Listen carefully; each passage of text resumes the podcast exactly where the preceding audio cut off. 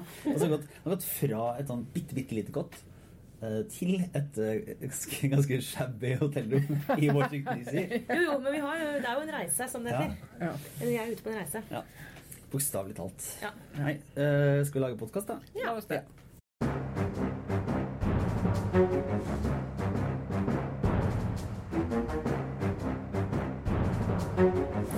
Da setter vi i gang med en liten podkast her fra Washington DC. Det er Aftenpodden.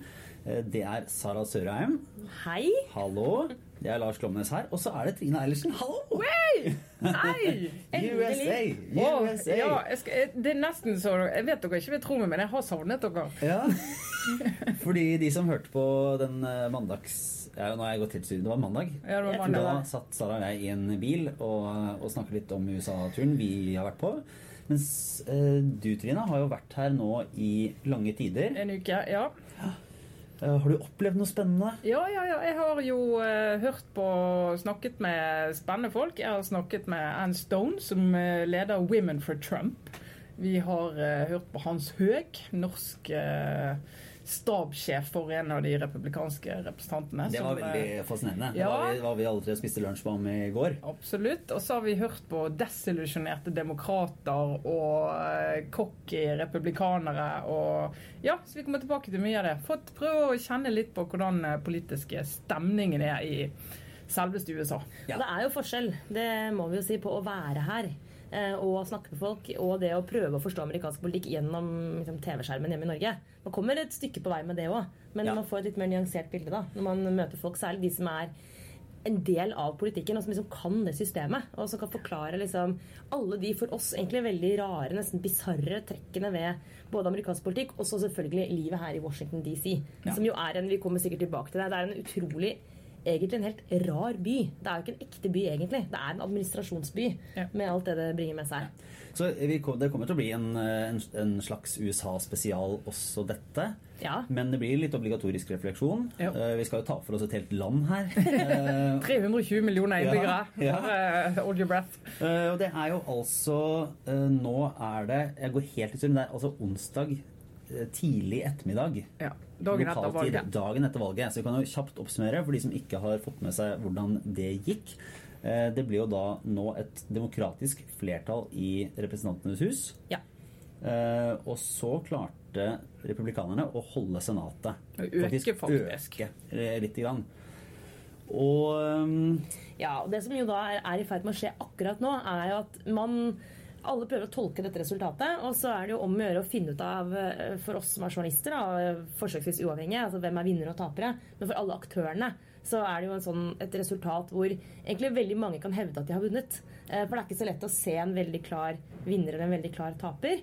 Så disse, så vidt jeg har skjønt på, disse dagene her er liksom frenetisk tallknusing og forsøk på å liksom vinne analysen. Og vi var jo på en valgvake i går kveld.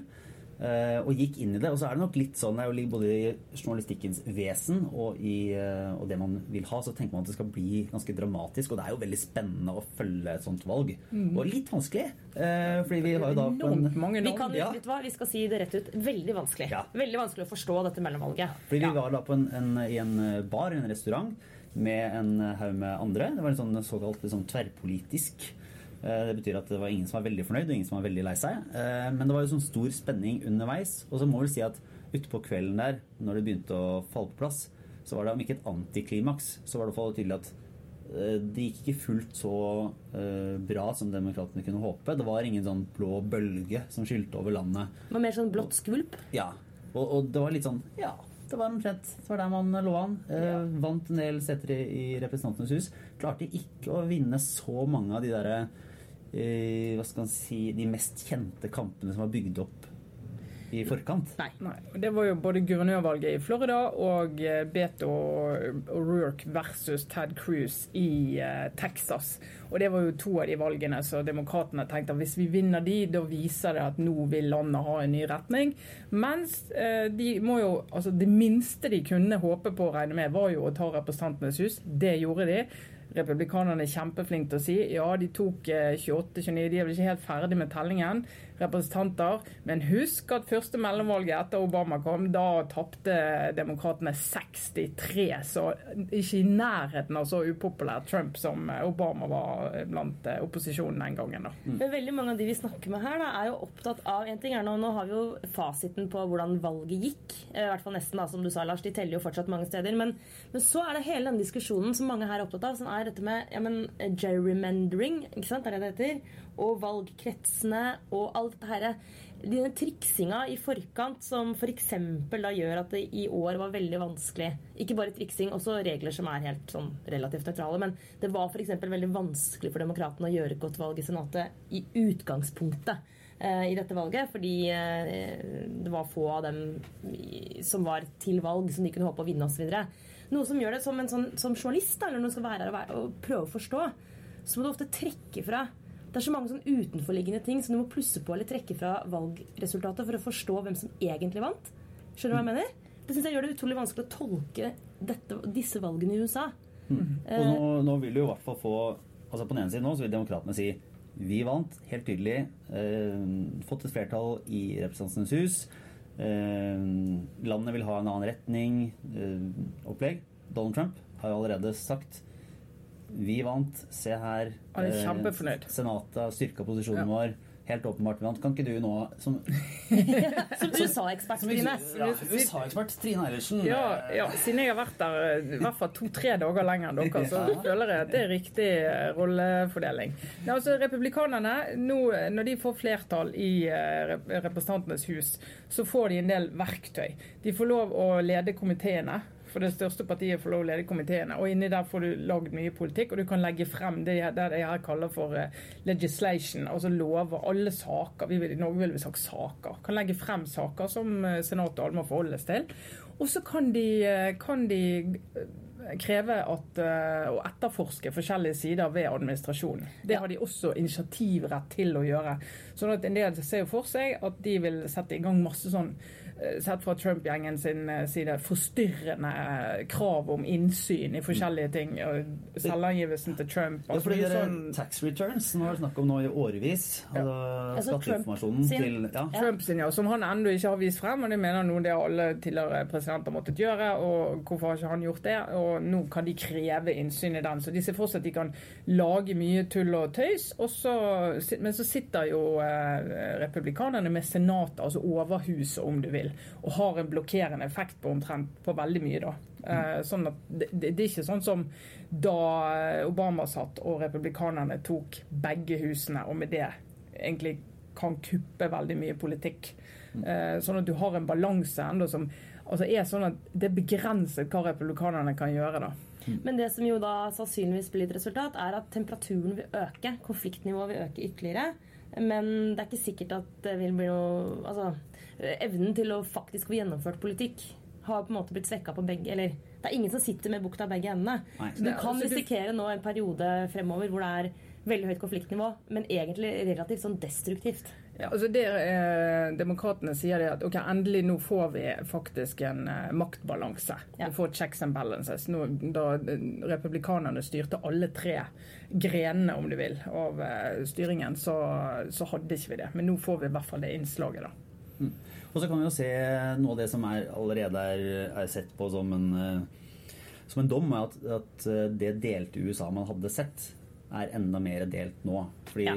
uh, tallene som viser jo at uh, i, i, byer og ute i forstedene, og særlig forstedene som, som tidligere kanskje var mer republikanske, der er det jo nå tydelige demokratiske seire. Mens ute på mer sånn bygda og andre tydelige republikanske steder, så har, altså, så har republikanerne klart å mobilisere mm. sterkt. Mm. Mm.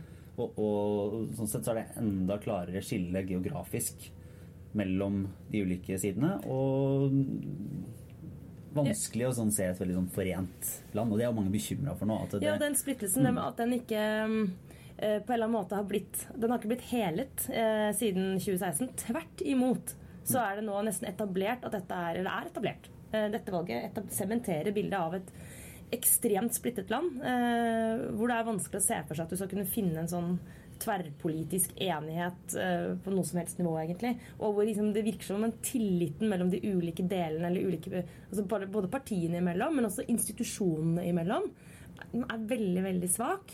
At, at det er liksom ingen som stoler på hverandre. At det er helt umulig nesten å få en samtale. Altså, det er så stor uenighet om premissene i utgangspunktet. Ser det på TV-showene her også. Når de diskuterer Du refererte i dag morges, Trine, så var Kellyanne Conway eh, mm. på CNN. Men hun, ble, altså hun, og journalisten som intervjuet henne, var bare så uenige om alt at samtalen egentlig bare ble til sånn eh, kakling. Ble, ble helt verdiløs. Og det tror jeg kanskje kan være et bilde på en sånn situasjon hvor det er veldig vanskelig å finne eh, en, en, konstruktiv eh, politisk debatt, rett og slett. Det er bare masse mennesker som skriker i fjeset på hverandre. Det er et inntrykk jeg har. Ja. Pessimistisk? Men jeg, men jeg føler Jeg opplever det som et utrolig Jeg er pessimistisk, jeg. Etter, mm. etter å. Ble du ikke oppmuntra å være på, på Trumps hotell en gang? Eh, Sara og jeg var jo der da på, eh, på den første kvelden vi var her i Washington DC, og det var en opplevelse. Ja. Å komme oss inn i altså det nye hotellet som Trump har bygd i, i nærmest naboen til Det hvite hus, mm. er da et skikkelig monument. Si det var en sånn luksuriøs danskebåtfølelse. Ja. Blanding Gullgreier. Veldig mye blankt. Og så var det ja. Svære lysekroner.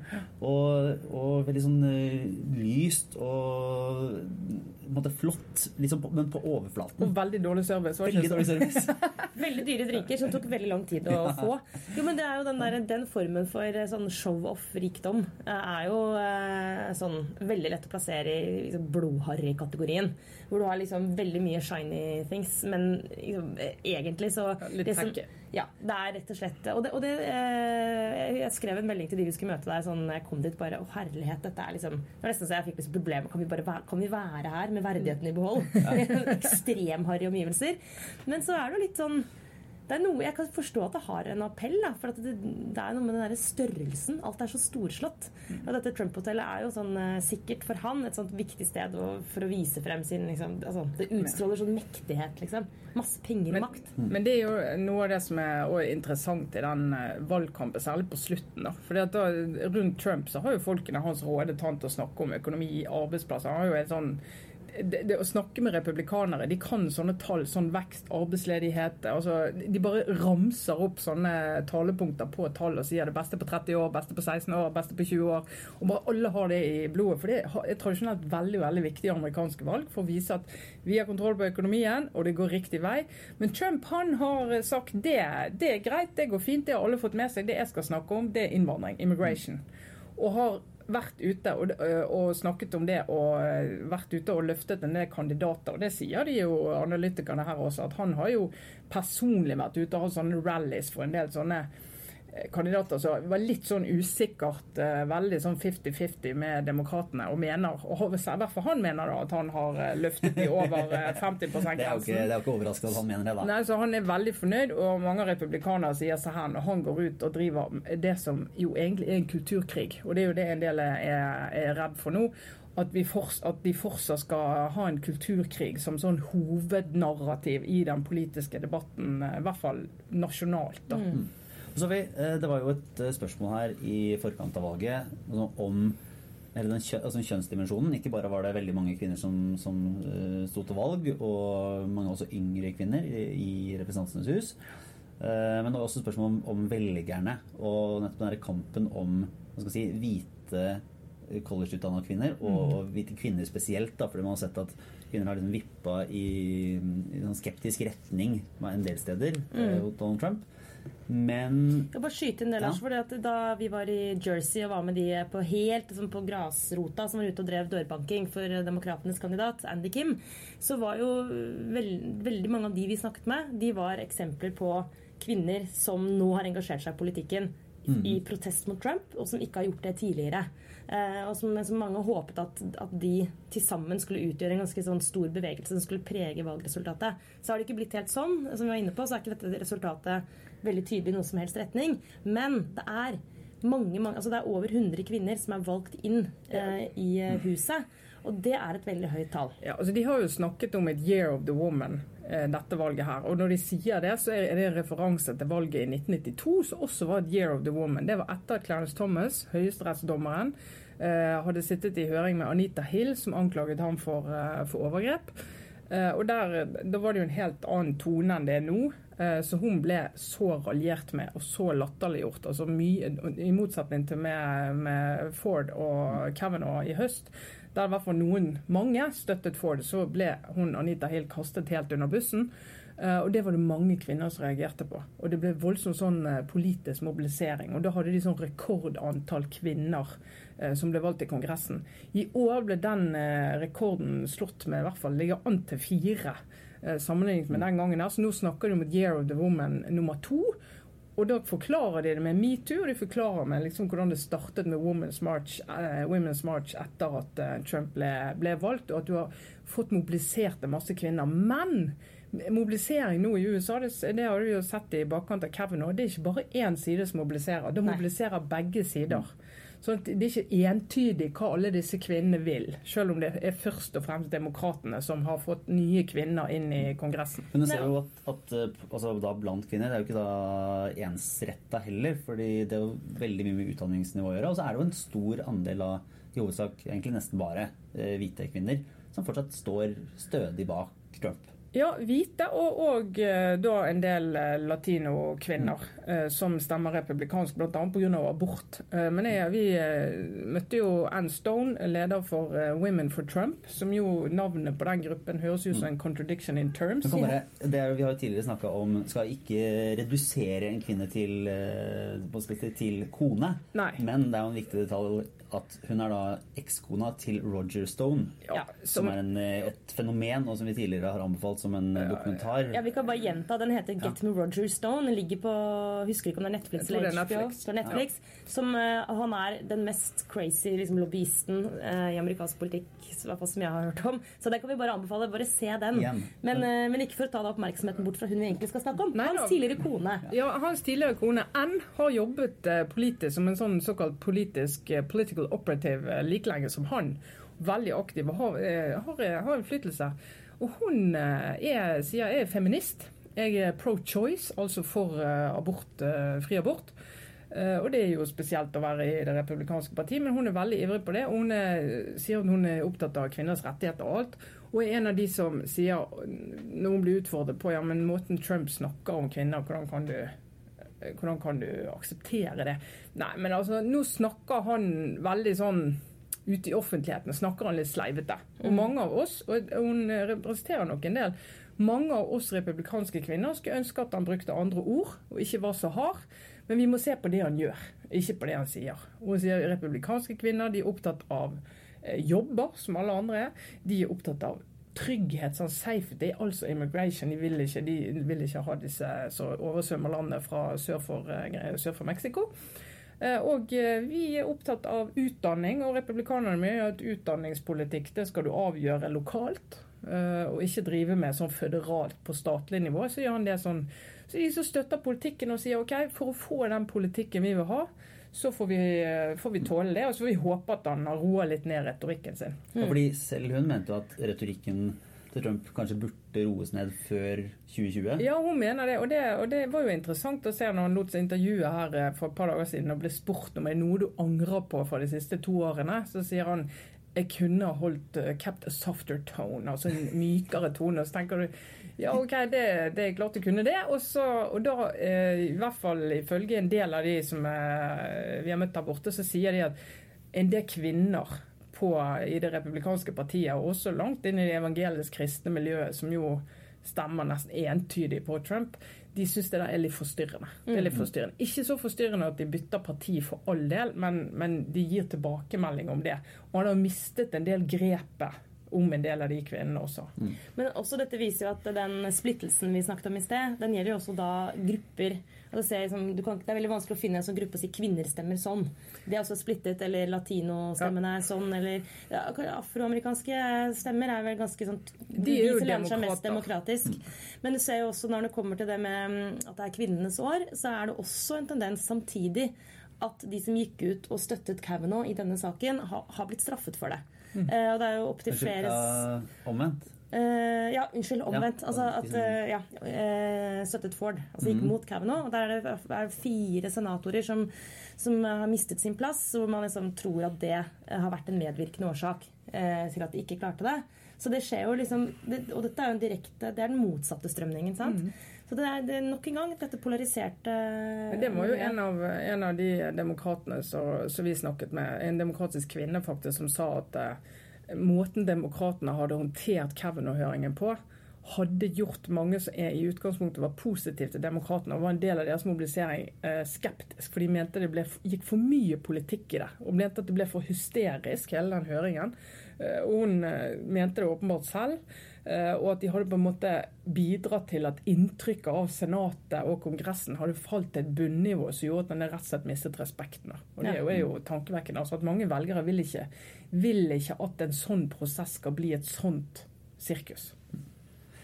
Og så er det jo et spørsmål nå, da, fordi de sier jo her at eh, fra og med torsdag Altså da startet presidentvalgkampen 2020 Ja. for demokratene. Nå har, det, nå har folk drevet litt og skult eh, vinne valg eh, lokalt, stort sett. Eh, Men nå, eh, nå er det, åpner det seg. Og en av de som da løftes fram som en mulig kandidat, Beto O'Rourke i Texas, vært superhelt de siste ukene. Klarte jo ikke da å slå ut eh, Ted Cruz. Han, eh, Som ingen liker, som ingen egentlig. liker. Som sånn, det, er, det kan, kan si, selv om han er måte, politisk eh, objektiv, at han har et litt sånn Han er litt sånn klassetryne. Ja, vi må kunne bruke det Ja, ja, ordet. Syns jeg presist. eh, Hører hans egne til og med snakker om, om på den måten og i ganske, ganske grove ordelag, egentlig. Ja, er det ikke det uttrykket hvis du står på gulvet og må velge mellom en samt, å ha en samtale med Ted Cruz eller få et slag i trynet, så velger du et slag i trynet? Ja, Ja, det er Mange mange, sånne mange ord, sånne Ja. ordvendinger om han. Og og, men, eh, men han har jo da han klart, altså Ted Cruz klarte jo likevel å vinne Texas. Ja. Men det var mye eh, nærmere enn det har vært på mange, mange år. Ja, det har det. Og det var jo nærmere enn var på mange av målingene òg. For han har jo ligget eh, mye lenger bak eh, Beto, som han heter, eh, enn det som faktisk ble resultatet. Så det har jo gitt demokratene en altså, bittersøt eh, følelse. For han, er, han var i siget, men de klarte ikke å ta Texas, som er liksom en veldig, veldig viktig, Men det er viktig stat. noe med å eie liksom, narrativet, som heter på fint, eh, når du skal kåre vinnere og tapere. Fordi i og med at eh, Beto og dette dramaet, og det har jeg også lært litt nå med å være her, altså hvordan man skal forholde seg til en sånn valgnatt som det vi opplevde i går, hvor det er så utrolig mange resultater. Så må man jo velge seg noen kamper, noen, eh, noen ting man skal se etter, og gjerne da noe som En ting er at det er veldig spennende, altså kampen i seg selv er spennende, men at det kan være et slags en sånn, et bilde på noe større. da. Og akkurat når det gjelder Betto, så har det vært sånn Hvis han klarer å ta Texas, kan det være et bilde på en, en større bølge for demokratene. Eh, men når han ikke klarte det, så var det mange som var skuffa. Men, men man kan også lese det som en stor seier at han kom så nær. Eh, Og en av de vi snakket med i går, var jo også opptatt av at hvis han hadde blitt senator, faktisk, og de sitter jo i seks år, eh, så har han sagt til velgerne sine at hvis han ble valgt, så skulle han sitte hele perioden. Og det er ikke sant, fordi at noen som da prøver å bli, bli president, de hopper ganske tidlig av Ja, for å gå for et høyere embete. sant? Og hvis han hadde Som Obama. Som, eh, Som som en eh, demokrat eh, sa litt sånn tørt. Det var klart Obama hadde jo vært senator i ett kvarter før han ble presidentkandidat. Og det er klart, sånn kan vi ikke holde på. Nei. Men da hadde han vært låst i seks år, og så spekuleres det selvfølgelig helt vilt her i at han kommer til å stille enten i, som kandidat nå i 2020 eller i hvert fall 2024. Eh, og nå har han fått han har fått brukt egentlig denne valgkampen helt perfekt. For han har bygget seg et nasjonalt navn. Han har vist at han kan samle inn vanvittig mye penger. Han klarte å reise mer penger enn en Cruise, eh, som er jo en superprofilert og etablert politiker. Og som hadde mye støtte fra Trump og partiet sentralt. Ja. Mm. Og at han med det har bevist at han eh, kan kanskje klare å reise midler til å faktisk gjennomføre en presidentvalgkamp. Eh, Og da er det egentlig bare en fordel for han å skaffe seg en plattform som han kan jobbe videre på nå, eh, uten å være liksom i gåsehudene fanget eh, i- den senatorjobben. Selv om det, det er vel ikke, et, det ikke det verste som kan skje et menneske. Men og jeg tror vel at det løftet altså, Det er vel mange i Texas eh, som har støtta han som uansett ville vært fornøyd hvis han ble presidentkandidat, selv om han var senator. Ja, ja, ja. De Eh, hadde, de hadde er det kunnet leve med det. Ja. Men, det men det er jo interessant, for det alle, når du snakker med dem, så sier de sånn Ja, og så er det valg på tirsdag, og torsdag begynner presidentkjøret i realiteten. Og så får de sånn tusenmeterblikk, og de har jo helt fatigue ME hele gjengen når de tenker Ja. på det. Sånn, For det er sånn kjemperace. Men så er det jo eh, veldig utmattende. Sant? Veldig Mm. utmattende. Og så driver de Men så sier de at eh, noen kandidater kommer til å vente veldig lenge med å fortelle at de er kandidat. Nå er jo det ofte, kan det være klokt å gjøre. Mens noen, Før var det jo litt sånn, du må om å starte tidlig, så du får sånn såkalt name recognition, som de kaller her. At folk blir kjent med det, vet hvem du er, du må markere deg fra en eller annen plattform. Og da er jo Kongressen ingen dårlig plattform. Uh, mens nå er det litt sånn De vet at de som stikker hodet frem, de vil møte den Trump-maskinen så knallhardt. De skal bli sløyd partert og hengt på en krok sånn personlig. og det, altså Karaktertrekk. Alt skal bare bankes i måneder og til og med år. Så noen vil vente lenge før de går ut der og, for å gi den Trump-maskinen kortest mulig tid til å karakterdrepe det. Ja. Men en annen kompliserende faktor også, nå som da dette presidentracet begynner, er jo at demokratene ikke fikk et veldig tydelig de fikk ikke en veldig tydelig beskjed nå fra velgerne om hva som er taktisk riktig. Mm. Eh, mange av de, sånn som Betto, eh, og de, mange av de som har vært profiler i denne valgkampen, har jo vært ganske sånn til venstre i Det demokratiske partiet og, og gått til valg på en ganske progressiv politikk. I hvert fall sett med amerikanske øyne. Eh, kanskje ikke med norske nødvendigvis, men, men å utfordre de etablerte. ikke sant? Eh, mm. Og det å være en sånn utenforkandidat som utfordrer. Men så ser man at mange av de som faktisk vant nå i natt, var de moderate demokratene. Mm. Så for Det demokratiske partiet så kan du ikke si etter dette valget at eh, vi må gå i en progressiv retning.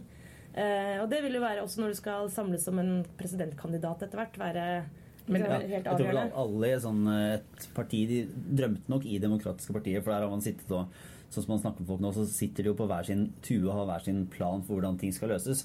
Så det var mange av de strategene som sitter oppe der, som gjerne skulle ha funnet ut at ok, nå skjønte vi ut fra dette valget hvilken vei vi må gå. Det er liksom helt åpenbart at, mm. at uh, her er løsningen. Sånn ja. funker det. Men det fikk, de ikke. Gå, det fikk de ikke. Her gikk det litt i alle retninger. Og så, så led de jo litt under av at noen av de promoterte måte, valgkampene som mange så på, som i Florida, i Texas, en uh, Stacey Abrams i um, i Georgia, som skulle bli guvernør. Altså Der nådde man ikke helt opp. Altså mm. Grunnen til at de fikk oppmerksomhet, var at det var kjempevanskelig race å vinne. Men det gjør jo også at når de da ikke klarer det, så ser det litt nedtur ut. Ja. Selv om de har gjort det bra. Selv om de egentlig har gjort en god jobb. Ja, nettopp. Okay. Ja. Og så har de, det er jo mange flere som har stemt på dette valget, så de har jo klart å mobilisere. Men som sagt, begge sider har, uh, har mobilisert. Mm. Har vi blitt noe klokere da av å være her? Ja, altså det som, eh, det som, er jo en, bare en sånn dyp erkjennelse, da, det er at du må på en måte aldri undervurdere hvor komplekst og sammensatt det politiske bildet i et land med 320 millioner innbyggere er. Eh, som lever i stater som er helt vidt forskjellige fra hverandre. og har Helt ulike problemstillinger på delstatsnivå og helt lokalnivå. Og på en måte snakke om det som en enhet og finne en retning i det, det er jo veldig veldig, veldig krevende. Og det går jo fint an. Og det vi også og kanskje glemmer eh, Norge ofte, det er jo at hvis du er valgt inn som demokrat eller som republikaner, så er du ikke valgt på et partiprogram, sånn som vi er vant til. Du, du, er valgt på å følge opp politikk på vegne av dine velgere i din valgkrets. Og du kan fint være eh, såkalt moderat demokrat. Da kan du være ja, for eh, våpen Syns det er rimelig. Og du kan til og med være, være pro-life. sant? Og du mm. kan, Samme kan du være republikaner. så Der er litt mer sånn våpen må du ha, men du kan være pro-choice, altså for uh, fri abort. Og, og, og, du har mange saker som er i det landskapet hvor du, hvis du skulle ta kandidat for kandidat, så kan du ikke liksom plassere det i hver sin leir. Da. Det synes jeg har vært Noe av det mest interessante er jo um, det å få litt mer innblikk i alle de ulike leirene innenfor de republikanske innenfor det partiet. og uh, det å liksom se at du kan helt fint være republikaner og Trump-kritisk, men at du får et mye mer sånn nyansert bilde på etter å snakke med dem på hvorfor det kan ha seg at Trump faktisk ble president. Eh, og at han selvfølgelig eh, er Det er riktig å beskrive han som både populist og kanskje til og med en slags sånn demagog. Eh, men at han også er et resultat av et system som var liksom ødelagt lenge før Trump kom inn på banen. Og da særlig dette med liksom den dype, dype mistilliten til systemet. Mm. Og det er liksom å klare å forstå at den derre Trump vi ser fra Norge, er en litt mer svart-hvitt utgave enn den de, ser herfra. Mm. Det er faktisk veldig nyttig å komme litt tettere på. Det er jo veldig mange som er kritiske til han, men de er kritiske på litt forskjellige måter. Ja. Uh, og det er så nyttig egentlig å forstå at det er en grunn til at han ble valgt, og den grunnen er ikke at liksom, uh, Amerikas befolkning plutselig liksom mistet vettet. Ja, halvparten ble koko. Halvparten ble ikke dumme over natta. Altså, det, det, kommer et sted fra. Og så kan du se at det der drain the swamp-uttrykket det er ganske, det er ganske god resonans i folket. Ja, Jeg skjønner jo det. Det skjønner du òg når du har snakket med sånne som jobber i Washington-systemet, at uh, det er jo ting som trenger å draines i denne swampen her. Det er jo et eh, på mange måter ganske råttent politisk system som har klare dysfunksjonelle trekk uh, på Kongressen. Og det kommer vi sikkert tilbake til, Mm. fordi vi har snakket med interessante folk om det. Men eh, vi fortsetter vel med litt eh, obligatorisk refleksjon eh, fra USA eller ikke. Eh, jeg kan egentlig begynne, for det handler om sånn dys dysfunksjonalitet. Og det, bare, det er jo veldig fint å være i USA, men det er altså så mange ting som ikke funker. Ja. Og den derre Det vanskeligste av alt som er sosialt uh, stigma, er den derre en tipsekulturen. Ja. Altså det at det, du skal liksom alltid legge, du skal legge på 20% overalt du spiser, og så fins det hver dag en sånn 15 personer du møter da, når du er ute på reise og bor på hotell og farter litt fra den ene stedet til den andre, som i utgangspunktet forventer En- litt penger i hånda. Ja, jeg må si, Lars, altså, vi har vært, uh, vi har vært litt så fornøyd med reisen. Vi føler at vi har vært litt så flinke til å takle jet- jetlag og liksom vært litt så verdensvante. Men når det kommer til å takle tips, Ja. der er vi helt sånn bønder på tur. Ja, og og, Lars hvisker til meg sånn Sara, Sara, jeg tror han vil ha penger av deg. Jeg sånn, jeg har ikke cash. Og så blir det helt vi, har, vi har jo ikke cash Nei. i vårt land. Og så bare det for en, selv, selv jeg som har gått på handelshøyskole, sitter og regner 20 av absolutt alle regninger sånn i hodet, så blir du jo sittende og, og klore litt på papiret. da. Så jeg bare sier det. Unger, lær dere prosentregning. Ja, ja, så er det så konstruert så mange sånne små Det er jo, det er jo egentlig veldig interessant og ganske, om ikke altså skummelt, så det bekymringsfullt at så mye av økonomien blir en sånn tipsøkonomi eh, som ikke er Folk får ikke en, en ordentlig jobb, men det kommer, skal, skal, kommer en fyr som bærer bagasjen din inn i drosja, og så ikke kjører bilen engang, men som da ja, blir sur fordi hun ikke får en dollar. Da, og så er det sånn Ja, men jeg har jo ikke en dollar. Nei, Og så er er det, sånn, vi er liksom skapt en eh, kunstig jobb. Og det annet er at jeg tror det virker som en for si, konserverende effekt for de ekstremt dårlige systemene de har. Nå er det sånn ilandsrant fra Norge og tror du har skjønt alt mulig rart. Men tross alt, Europa eh, Hvis du er i store deler av Europa, så har de sånn der, bare legger kortet ditt, og så kjøres automatisk betaling. Ja, Ikke sant? Du trenger ikke å taste kode engang når du er inne og kjøper en kaffekopp. Her er det fram med et jævla ark, og så skal du signere. Og så driver de med sjekk. Ja, sjekkhefter forventes jo at folk har her. Som liksom skrive på tips og totalsum og signere. og Det, bare, det må jo spise så enormt mye tid. Ja, for det, jeg må innrømme at sånn som dere skjønte i stad, så jeg blir jo helt sånn, litt sånn destruktiv på vegne av dette samfunnet. Liksom dette, vet du hva, Dere kommer ikke til å klare å fikse det. Alt er, alt er gærent. Men det er kanskje litt også farget av at det er så mye sånn lugging i hverdagen på sånne praktiske ting som gjør at jeg, liksom, jeg tar det som et symptom på liksom, at hele systemet, hele demokratiet, er, liksom, står på leirføtter. Fordi det er helt bare det å skulle komme seg gjennom tollen når du skal inn i landet, men i maskinene. At eh, du skal ha digitalisert dette med at du skal finne fram passet ditt og, og komme gjennom customs, som det heter på godt norsk. så virker jo ikke de maskinene, så må stå likevel mennesker og hjelpe deg ved hver eneste maskin. De kunne liksom bare gjort det sjøl. Sånne ting. Men, men det som er greien med det, er jo at det vi opplever som turister, det kan jo le av, men det er jo et symptom på noe større. F.eks. det med å gå og stemme her i landet. Sant? Så er jo en svær diskusjon nå om hvor eh, det er helt ulikt i alle statene. Det er ikke noen sånn føderale krav til hvordan liksom, valgsystemet skal være. Og det er masse muligheter for å manipulere, mer eller mindre godt begrunnede endringer. Sant? Ja. Uh, og det bidrar jo ikke til tillit til systemet heller. Men jeg kan si en ting da, som er bare uh, det de har, som er tilsynelatende veldig effektivt. I Washington DC eh, Jeg digger at de har da sånne elektriske sparkesykler som, du, som er som sånne bysykler du har i Oslo. Men du kan sette dem fra deg hvor som helst, og så låser du dem opp med en app. Og så kan du da kjøre rundt. Og de går dritfort. Ja, dette har du vært veldig opptatt av på hele denne turen, Lars. Disse sparkesyklene. Det tenker, ser veldig kul ut. og Ja. Ingen bruker hjelm. Nei, nei. Nei, men det går jo også galt, da. Her, De vi har snakket med som bor her, sier jo at det er jo forferdelig trafikkfarlig. Ja, men det, var, det er bare én som har dødd. Ja, bare en som- det er kanskje ja. litt eh, dumt å si. det andre, ja, for det er kombinert. De, er sånne, de går jo kjempefort, og så er det bitte små hjul. Og så er jo altså, traf, altså, hva si, asfalten i Washington DC Hvis det hadde vært på Vestlandet i Norge, så hadde det vært sånne, Da hadde de kjørt med traktor til Stortinget for å protestere. Det er så mye hull og Ja, ja, ja. eh, drit, da, så det må jo vippe folk over, eh, over styret på de greiene hver eneste dag. Men det ser veldig gøy ut.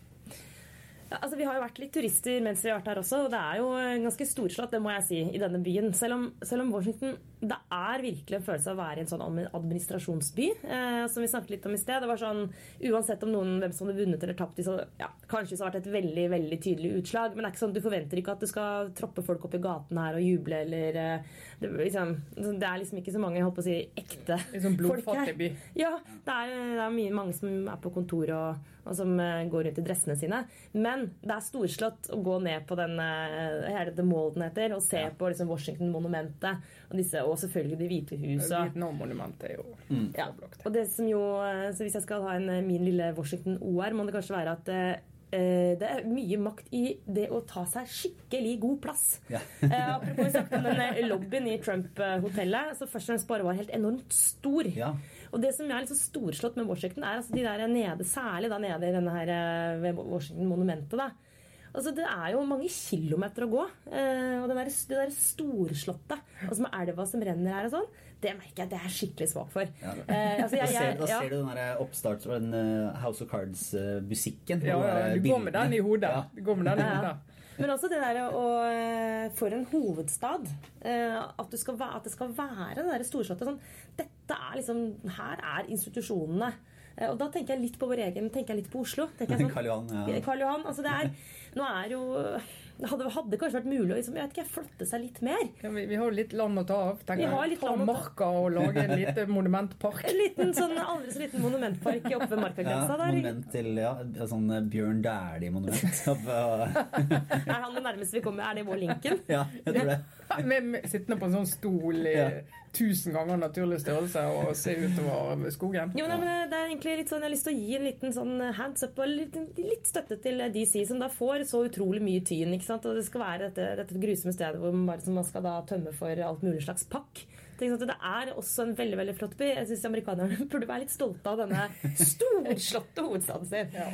Ja. de fleste amerikanere kommer vel aldri til DC, Nei. og de har vel heller ikke lyst. Nei, min, eh, min refleksjon Jeg har egentlig enormt mye å snakke om. Jeg har vært eh, hjemme hos Thomas Jefferson og hørt om hans eh, fantastiske liv. Og Bare unnskyld at han døde for noen år siden. Han, han, han skrev uavhengighetserklæringen. altså Et sånn renessansemenneske som han var der han bodde langt pokker i vold ute i ute i Virginia der. Eh, fascinerende.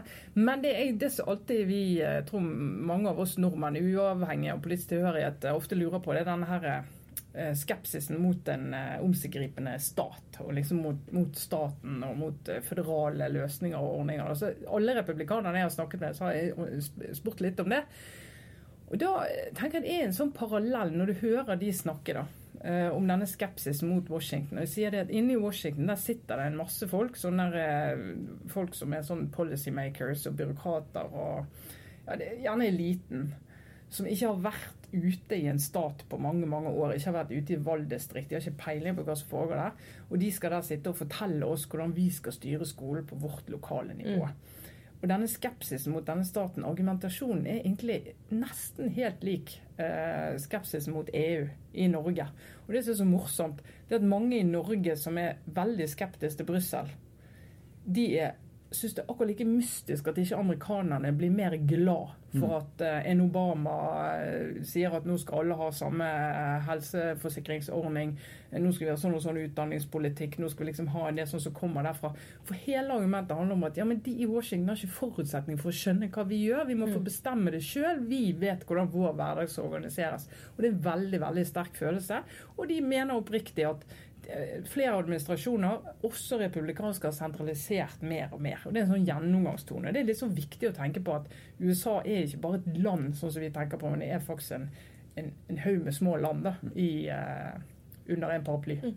Og det, den der, uh, Dette henger også litt sammen med sånn sentrum-periferi-dimensjonen i både amerikansk og europeisk politikk, som, er, som, som gir veldig mening, egentlig. Altså, det er veldig mange ting som faller på plass når man tar det litt inn over seg, og at den skepsisen til sentralmakta øker jo lenger unna du sitter den, det, det gir jo helt mening, det. Det er logisk, egentlig. Selv om det kanskje ikke den skepsisen er riktig, forstå så ja, men, men, det er veldig interessant å høre det og tenke ja, ok, jeg skjønner, jeg skjønner, hva du sier og hvor du kommer fra. Det er jo litt av poenget med folks være her og ikke bare sitte hjemme og lese om det. Ja, og så får du faktisk, eh, Noe av det mest interessante er å møte republikanere som, ja. som tenker på en annen måte. Fordi demokratene er jo veldig sånn Ja, de er veldig like oss. Ja. Ja, det, det, det har jo jeg synes vært desidert mest lærerikt til å snakke med republikanere. Fordi at de virkelig står et annet sted og ser på verden. Mens demokratene de merker jo at mange av oss fra Norge vi sitter og nikker og ja, vi ser verden ganske likt. Og ja, det er så gale med Trump og eh, hva skjedde? Og, og så du går inn i denne litt sånn emo. Mange av de demokratene vi har møtt, de er jo rett og slett i sorg ennå. De er Ja, ikke og ferdig med, de er ikke ferdig med 2016 og ikke, ikke i nærheten av å liksom finne ut hvor de skal. Uh, mens republikanerne, de, når de sier ting, så tenker jeg Steike, det var rart, du. Men sånn går det også an å se det. Ja. Det er veldig, veldig nyttig. Det er jo ofte ikke de veldig nære Trump, da. For de som er veldig nær Trump, der er det fortsatt der er det ganske lang vei til å forstå verden på samme måte. Ja, ja, ja. Og, Altså, ja vi, Kjernetrumpistene Ja. det, da, ja, Der syns jeg ikke det er like lett å vinne helt sånn Common ground. common ground. Nei, og det, det, det er flere som mener moderate republikanere som blir oppgitt over språket til Trump og at landet blir delt, og som faktisk er opptatt av det. Mens de, jo nærmere Trump du kommer, jo mindre ser de det som et problem. Da er det bare Han ene vi snakket med, han sier Nei, men landet er delt. Vi har nå vært mer delt før. Tenk på 60-tallet, borgerrettighetskampen. Vi har hatt borgerkrig i dette landet. Det er klart Vi har vært delt før. Noen sier vi aldri har vært mer delt. Men vi, vi er i tider er vi delt når vi har veldig ulikt syn på ting, og det har vi nå. Jeg må si at jeg blir, eh, som alle andre her tydeligvis, eh, opptatt av 2020 og det kommende presidentvalget. Da. Men altså, det er jo ikke sånn at vi i hvert fall kan ikke si at dette valget gjør det mindre sannsynlig at Trump kan bli eh, gjenvalgt. Og bare tanken på at han faktisk helt reelt kan bli gjenvalgt, er jeg må jo si det, det er litt sånn skummelt. Jeg Eh, tenker, jeg tenker til alle disse dagene nå og tenkte at jeg tror mer på at han blir gjenvalgt nå enn jeg trodde for en uke siden. ja. Men eh, vi får runda oss. Er vi, jo, eh, vi er tilbake i Norge til uka. Og da blir det det, vi, det, var, det var jo egentlig en del hjemlige ting, som vi hopper greit bukk over Ja. i vår, vår eh, nå eh, litt sånn nærsynte USA-verden. ja. Uh, fordi det vel men da blir Vi det har, jo vi har jo spurt alle her om de har hørt om KrF, men Ja. det, det har de ikke. Nei. Men jeg fortalte, jeg fortalte en, sånn, en lokal demokrat som var ute på men altså sånn, Bare for å bygge en bro, da, så fortalte jeg litt om hverdagen i Norge. Og hvordan, hvordan et bitte lite parti nå har liksom vært ute og fulgt sånn lokalvalgkamp i, eh, i eh, smålag i eh, KRF. Men det var jo en five, five votes decided ja, ja, ja. Så det var, det, var, det var fascinasjon for det, altså. Så skal ikke kimse av det. Men det var jo også en uh, grunn til at du trakk fram KrF. For dette var jo vår uh, Vi kan kalle han vår kanskje uh, kongressmann Andy Kim. Da, bare for å avslutte med det. Som Ja. vi var ute med i New Jersey. New Jersey 3 heter det distriktet. Eh, På mandag. Og han vi snakket med, det var kommunikasjonssjefen til eh, Andy Kim. Så vi prøvde å forklare at eh, også i Norge så kan store ting bli avgjort med veldig, veldig få stemmer. Fordi når det gjelder Andy Kim, så er det noe sånn fintelling. Vi vet ikke om han kom inn ennå eller ikke. Og det står på altså, Det er sånn fem stemmers forskjell. Ja. Så hvis, hvis det blir disse- avgjort av, av de gamle damene som kjørte rundt og banka på dører der det ikke var noen hjemme, eh, så skal jeg på en måte jeg skal, skal jeg ta litt tilbake min skepsis til, eh, til nytten av den, eh, de ekstra rundene. Liksom. Ja. Men det var en relevant sammenligning også, fordi politikk handler jo om liksom de store, store tingene. Men så er det jo sånn da, at det er til slutt så er det jo noen ganger sånn den ene stemmen kan avgjøre. Eh, og i norsk politikk nå så var det ganske få mennesker som satt med mye makt over de store spørsmålene i Norge. Så det, Han lata i hvert fall som at han syntes det var en fascinerende og interessant historie du fortalte, Lars. Ja, ja, når du snakket om KrF. Det kan hende han var som amerikanere flest bare, flest bare veldig veldig flink til å late som. Men uh, uansett. Han sa han hadde lest Aftenposten i flere år. Ja. Han elsket faktisk Aftenposten. Ja. Vet du hva, en av verdens beste aviser. Det var, det. Og det Norge utgjør sånn tilsvarende seks valgdistrikt i USA. ja, så, Så, ja, vi får nå. Men vi er tilbake da med eh, KrF og eh, Vi fikk ikke snakket om dette kronisk norsk-uttrykket engang. Nei, det men, fikk vi ikke eh, snakket om. kommer tilbake. Vi, så da takker vi vel for, for oss fra Washington DC, fra et hotellrom, Ja. eh, og sier at vi er tilbake neste uke. det gjør vi. Ha det bra! Ha det!